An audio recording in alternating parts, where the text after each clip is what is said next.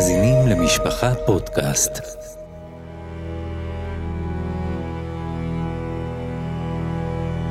לא תשכח. הרב ישראל גולדווסר מספר את סיפורה של שואת העם היהודי.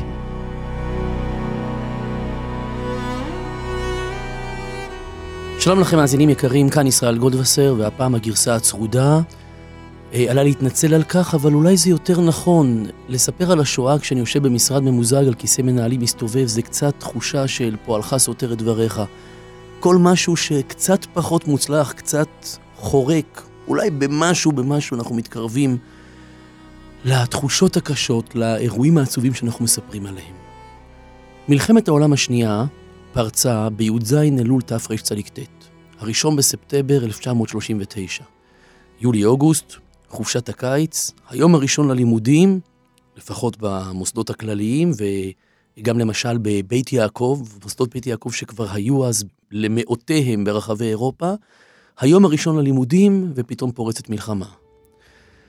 זאת המלחמה.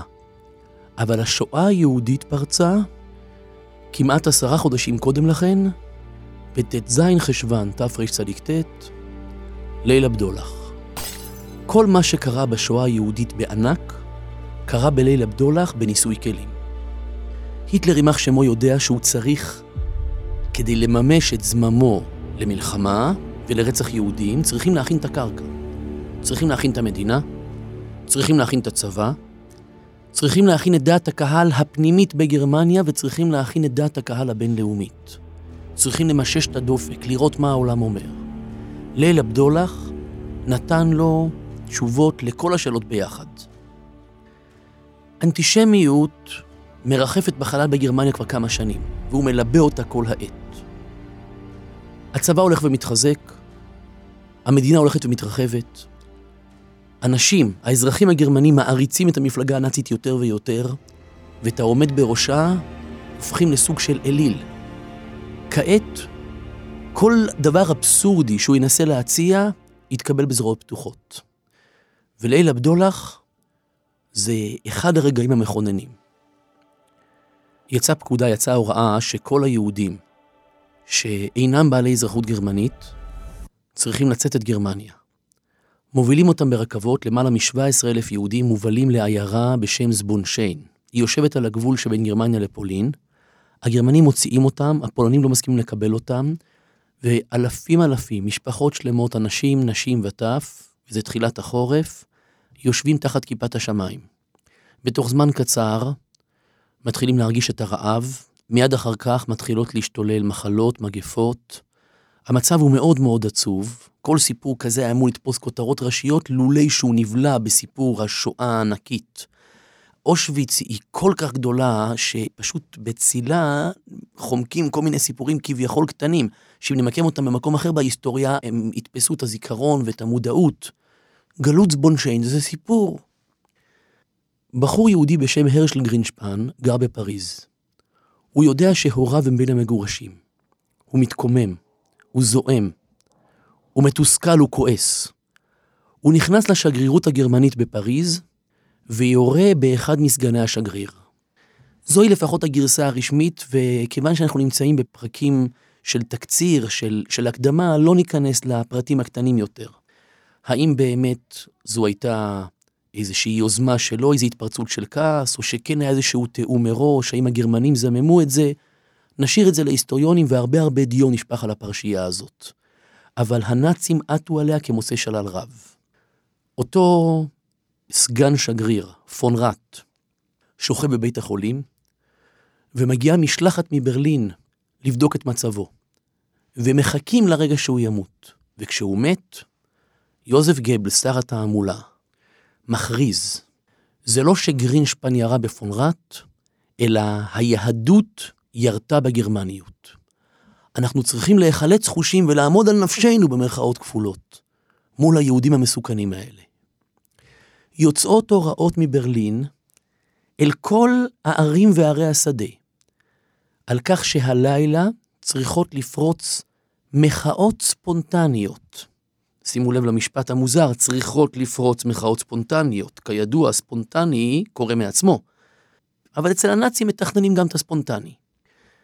והלילה הזה היה לילה מחריד ונורא, והגרמנים נותנים לו את השם האלגנטי הזה, במקום ליל הפוגרום, במקום ליל הרצח, במקום הלילה האכזרי, במקום יום פרוץ השואה, הם נותנים לו את השם המצלצל והאלגנטי קריסטלנה. ליל הזגוגיות המנופצות, ליל הבדולח. בלילה הזה עוברים מעיר לעיר. בכל עיר נאספים חברי היטלר יוגנד, נערי היטלר, אנשי אס אס. כל אלה השטופים בשנאת ישראל מלובים ושטופים כבר תקופה ארוכה, וכעת הם יכולים לפרוק את כל מה שחינכו אותם. מנפצים חלונות ראווה של חנויות יהודיות, מציתים בתי כנסת. באותו לילה עלו בלהבות, הערכה מדברת היום על 1,400 בתי כנסיות בגרמניה ואוסטריה, שכבר סופחה אליה באותה עת.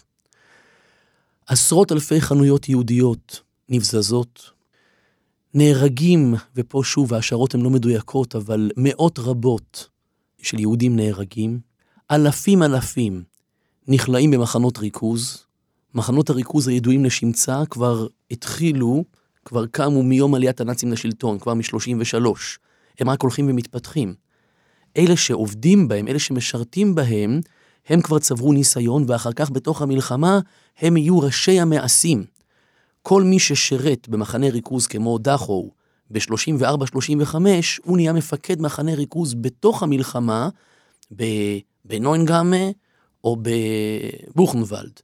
וכשהיהודים סובלים אחר כך בכל מחנות העבודה ומחנות הריכוז ברחבי הרייך, יש כבר כאלה שהם מקצועיים בתפקיד, הם במשך שנים כבר מתעללים באסירים. כל מה שקרה בשואה בענק, קרה בלילה הזה בקטן. נבזז רכוש יהודי, נרדפת היהדות, בתי הכנסת שנשרפים, ספרי התורה שמחוללים, ספרי הקודש שנקראים, יהודים נרצחים, יהודים נכלאים על לא עוול בכפם, והגרמנים ממששים את הדופק, לראות מה העולם יגיד. והשגריר האמריקאי גינה, והשגריר הבריטי גינה בחריפות. והיטלר מבין שלאף אחד לא אכפת כשהיהודים נרדפים. הוא קולט את המסר ומבין שאפשר להתקדם. הייתה ישיבת ממשלה למחרת הפוגרום הענק הזה, כי חברות הביטוח עמדו לפשוט את הרגל. מדובר עדיין באזרחים שכביכול הם שווי זכויות. עוד לא נשלו אותם רשמית מרכושם ומזכויותיהם. הם בעלי עסקים, והעסקים מבוטחים. וכל כך הרבה עסקים נבזזו באותו לילה, והיהודים מגישים את פוליסת הביטוח לפירעון. חברות הביטוח הרימו קול זעקה. אם הם לא ישלמו את הביטוח, הם יאבדו את האמינות. איזה גרמני ירצה לקנות פוליסה של חברה כזאת? אם הם כן ישלמו, הם יפשטו את הרגל. ולטובת מי? לטובת יהודים? ואז הראש השטני הנאצי, גרינג, יימח שמו, סגנו של היטלר, יושב שם בישיבת הממשלה, ואומר, מה הבעיה? מי גרם לליל הבדולח? היהודים. גרינשפן עשה את זה.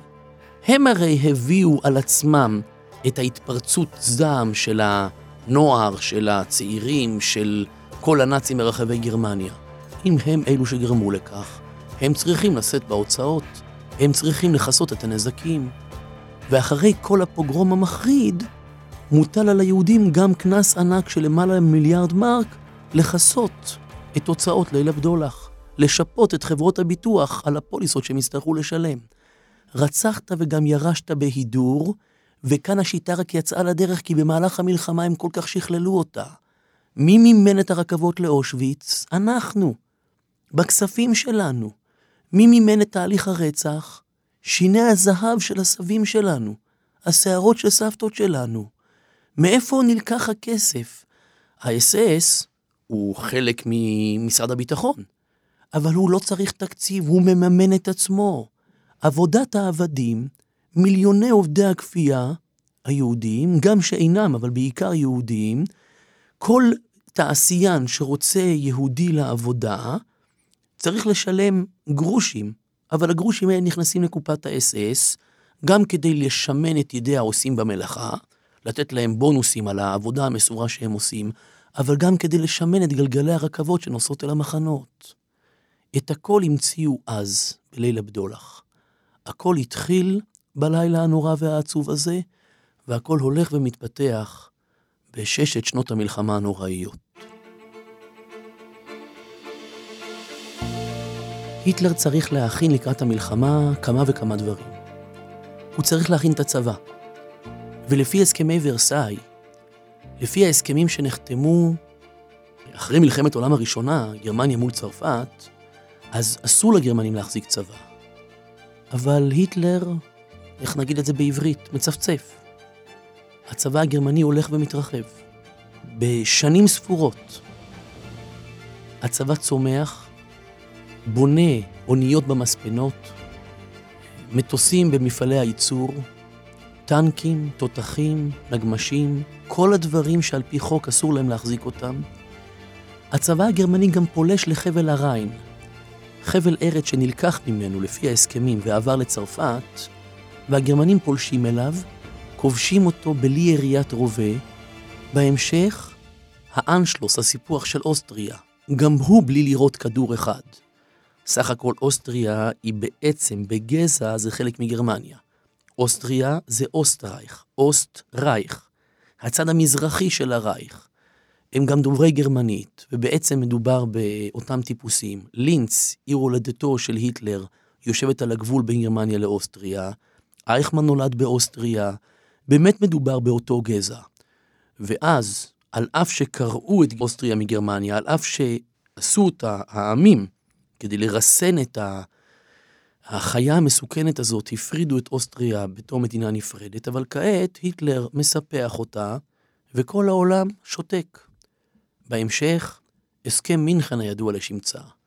היטלר טוען בצ'כוסלובקיה, בחבל הסודטים, גם גרים גרמנים. גם שם נמצאים כאלה שהם בני הגזע הגרמני ודוברי גרמנית, וצ'כוסלובקיה מתעללת בהם. הכל עור ופרח, אנחנו מכירים את הטרמינולוגיה הזאת אה, גם מפוטין במלחמה מול אוקראינה. זה שפה של רודנים, זה שפה של מלא דיסאינפורמציה ופוליטיקה שמושתתת על שקר ואחיזת עיניים, אבל הגרמנים אף פעם לא חוששים מכגון דע. השקר ודיסאינפורמציה, כבר שמענו את זה בשיעורים הקודמים ונמשיך לשמוע את זה לאורך כל סיפור המלחמה. אני אספר סיפור קטן בסוגריים. כשריבנטרופ, שר החוץ הגרמני, הגיע לגיל 50, זה היה באמצע שנות המלחמה, ואנשי הצוות שלו במשרד החוץ החליטו כהפתעה ליום הולדת, להכין את כל ההסכמים הבינלאומיים עליהם הוא חתם, כל ההסכמים שהוא חתם עם מדינות זרות, למסגר אותם יפה, להכניס אותם לתוך אלבום מפואר ולהגיש אותם לריבנטרופ, לשר, לכבוד יום הולדתו החמישים. הם עברו על ההסכמים, ואף אחד מהם כבר לא היה רלוונטי. כל ההסכמים שהוא חתם, גרמניה כבר הפרה אותם. כשסיפרו את הסיפור הזה להיטלר הוא פרץ בכזה צחוק גדול. וזאת הייתה השיטה, זו הייתה הדרך. אני מרגיש קצת אה, להתקטנן כשמדברים על רוצחי המונים בקנה מידה שאין כמוהו בהיסטוריה, לדבר על השקרים שלהם. אבל הם פיתחו את השיטה הזאת, הם השתמשו בה כל העת. והעולם לא קולט עם מי יש לו עסק, או קולט ובאוזלת יד של מנהיגים רוחיים, של צ'מברליין הבריטי המפורסם, ש... נוסע לגרמניה, היטלר אומר, אני לא יוצא את גרמניה, אתה רוצה תבוא לכאן, ואז הטיסה היא טיסה, היא שעות טיסה, זה לא המטוסים בני ימינו, עדיין אין אפילו מטוסי סילון. הוא טס במטוס בוכנה במשך שעות, כדי להגיע למינכן, להיפגש עם היטלר, ואז לחזור לאנגליה ולהגיד, הבאתי הסכם שלום שיושיע את אירופה. הוא נותן את חבל הסודטים להיטלר במתנה. את צ'כוסלובקיה, המדינה שהיא הקורבן, אותה בכלל לא מערבים בהסכם.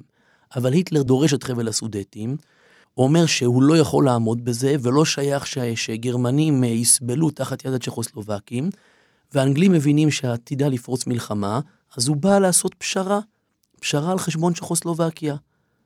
נו, זה עזר? השלום המיוחל הגיע? כולנו יודעים מה קרה זמן קצר אחר כך. גם על זה נאמר, המרחם על האכזרים, מתאכזר על הרחמנים. אסור להיות שווה נפש מול רודנים, מול עריצות. אסור לתת למישהו רוצה להשתלט עוד ועוד, ולחשוב שאם ניכנע לו, שאם ניתן לו אצבע, הוא יוותר על כל היד.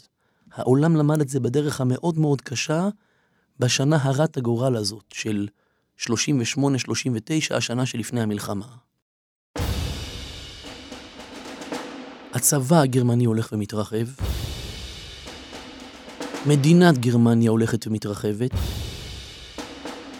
ערב המלחמה היא כבר גדולה כמעט פי שתיים מגודל המדינה בשטח שהייתה גרמניה כשעלו הנאצים לשלטון. לעם זה כמובן נותן המון מוטיבציה, מרים להם את האף, וואי, תראו את ההצלחות, ולמנהיג הזה יש יותר קרדיט. העבודה על דעת הקהל היא עבודה סזיפית בגרמניה הנאצית. משרד התעמולה הוא אחד המשרדים הכי נחשבים. אפשר לומר שהאדם הכי מוכשר סביב שולחן הממשלה הגרמנית, רבים מהם היו אנשים חסרי השכלה עד אה, עיקרים פשוטים. רובם לא היה בהם כלום לבד מנאמנות עיוורת למנהיג ושנאת ישראל ומוח שטוף בתורת גזע ותפיסות על הגדלות של גרמניה. האדם הכי מוכשר שם סביב שולחן הממשלה היה שר התעמולה יוזף גבלס. ולא לחינם. הם עבדו על זה ברציפות. כל עיתון וכל כלי תקשורת בגרמניה צריך לשלוח נציג כל יום לתדרוך משר התעמולה או אחד מאנשי הצוות שלו. כל יום, כל יום, במשך שנים, לפני המלחמה ובתוכה. הם משקיעים המון בתעמולה. העיתון המזוויע של המפלגה הנאצית, הדר שטירמר, עם הקריקטורות האנטישמיות הידועות, עם הכתבות המכפישות, עם דברי ההסתה המכוערים, אי אפשר אפילו לחזור ולצטט, מציגים את היהודים בצורה הכי משפילה וגואלית שאפשר, מדביקים אלינו כל דבר שלילי ורע שקיים ביקום. גולת הכותרת זה הכוח של הסרט.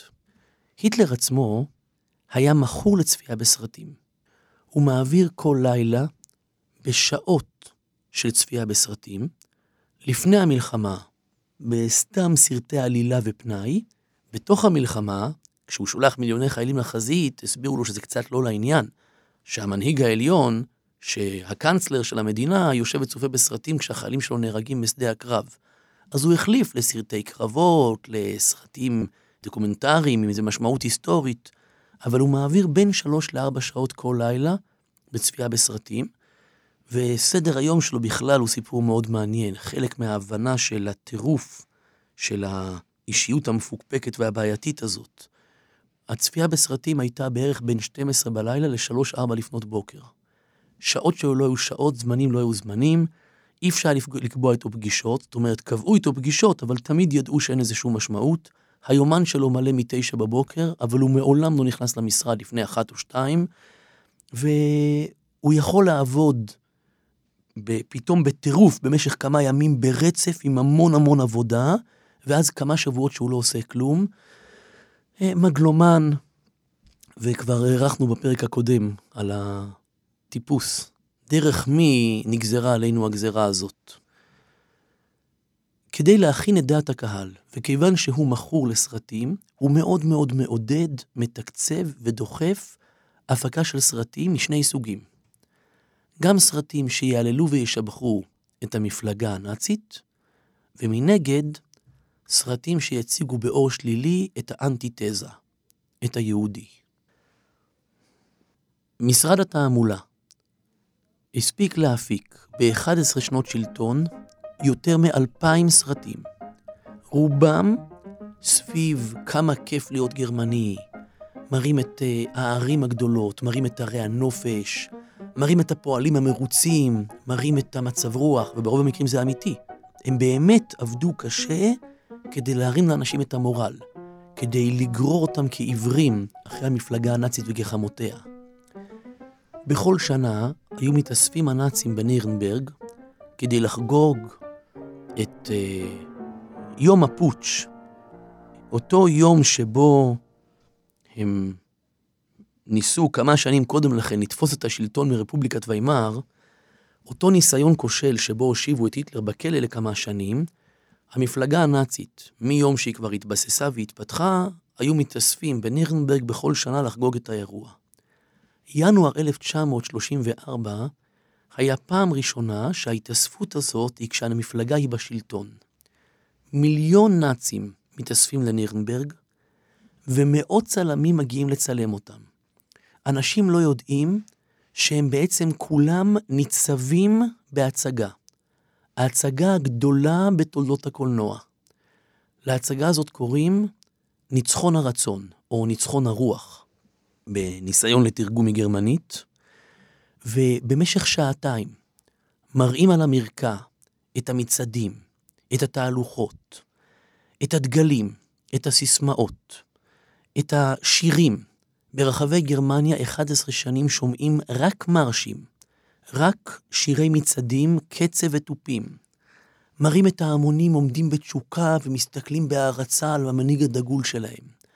מראים את הנערים, רואים יום אחד הייתה ההתכנסות של ההיטלר-יוג, נערי היטלר. עומדים במגרש בשדה הצפלין בנירנברג, עומדים מאה אלף נערים. דגלים מכל הצדדים, תזמורת, והצלם מצלם את הנערים עומדים על קצות האצבעות, מנסים לתפוס מבט, כי על הבמה עומד היטלר יימח שמו. והוא ניגש אל הרמקול, ונותן את הנאומים הרגילים שלו. הוא לא מדבר על רצח, זאת לא השפה, אבל הוא מדבר, אני רוצה לראות אתכם חזקים, אני רוצה לראות אתכם אמיצים, אני רוצה שתהיו נחושים. אני רואה את זה בכל פעם ומתחלחל, כי אותם אלה שעומדים במגרש ב-34 כבני 16, הם היו חיילי האס-אס ב-42-43.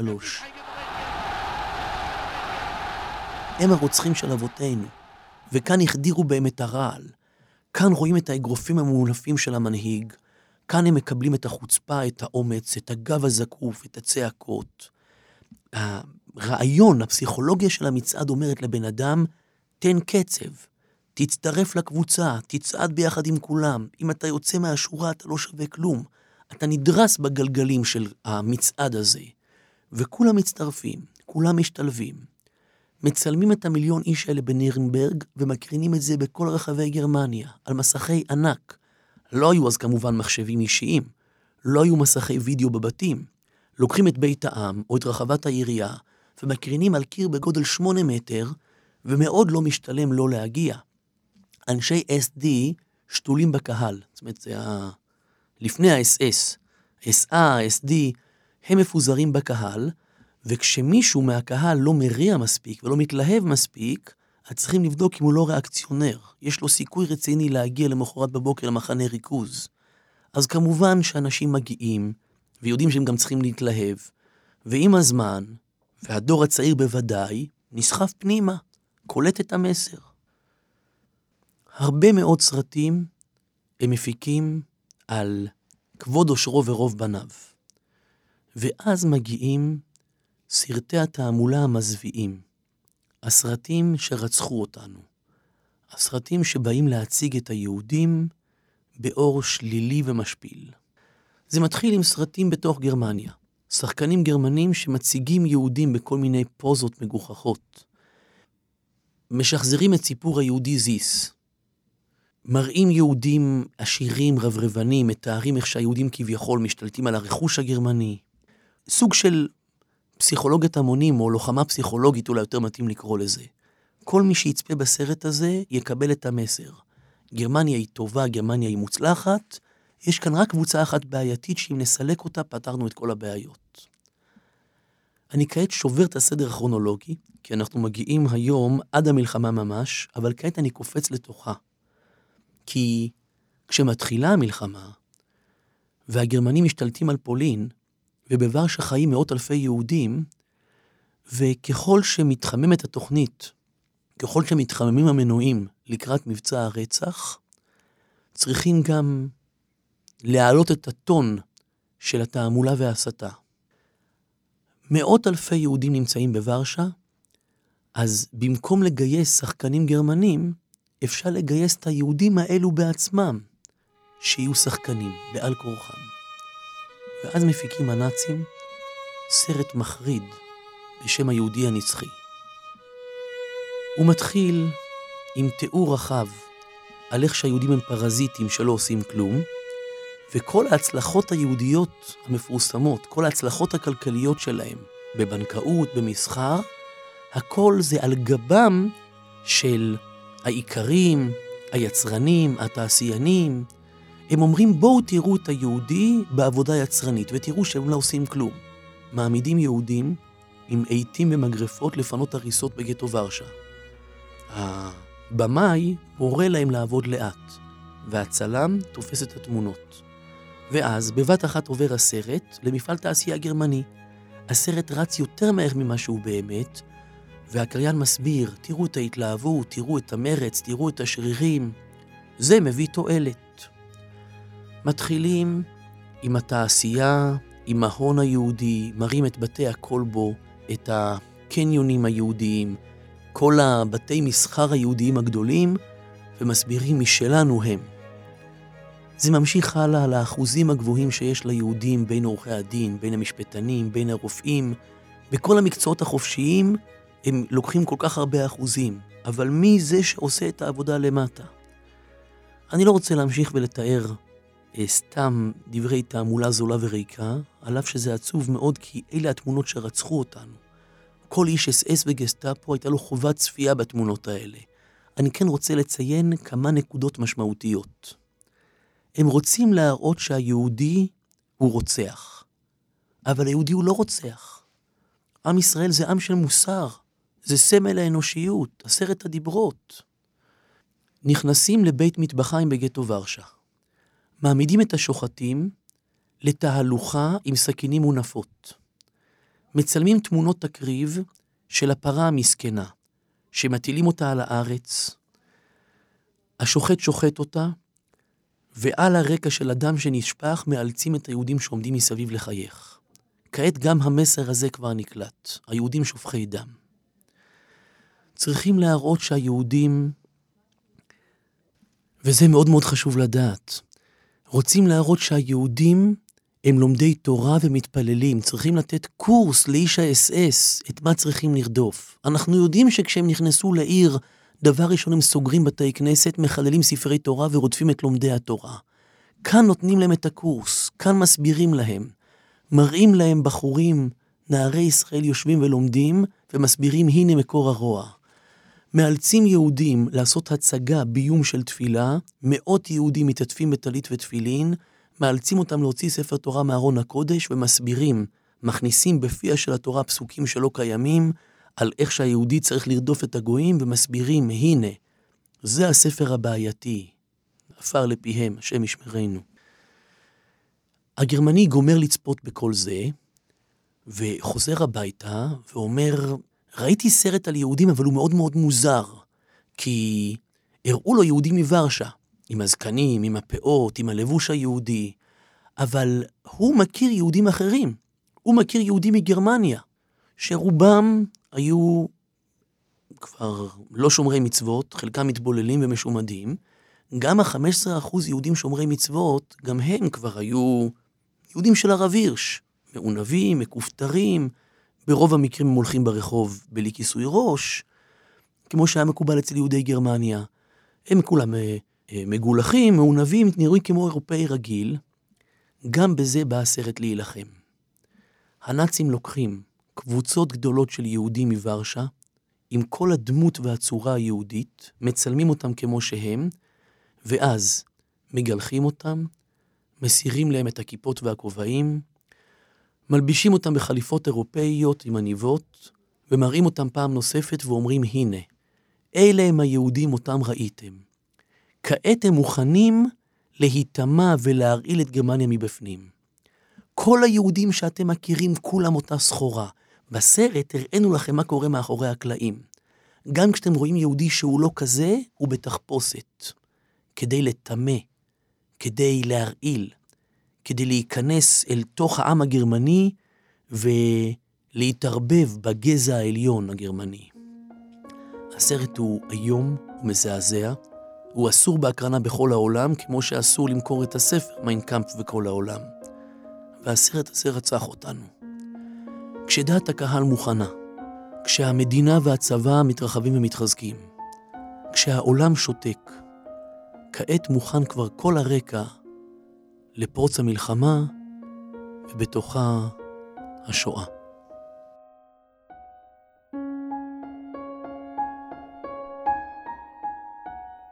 סיימתם כעת לשמוע פרק נוסף בסדרת לא תשכח. תודה לכם על ההאזנה.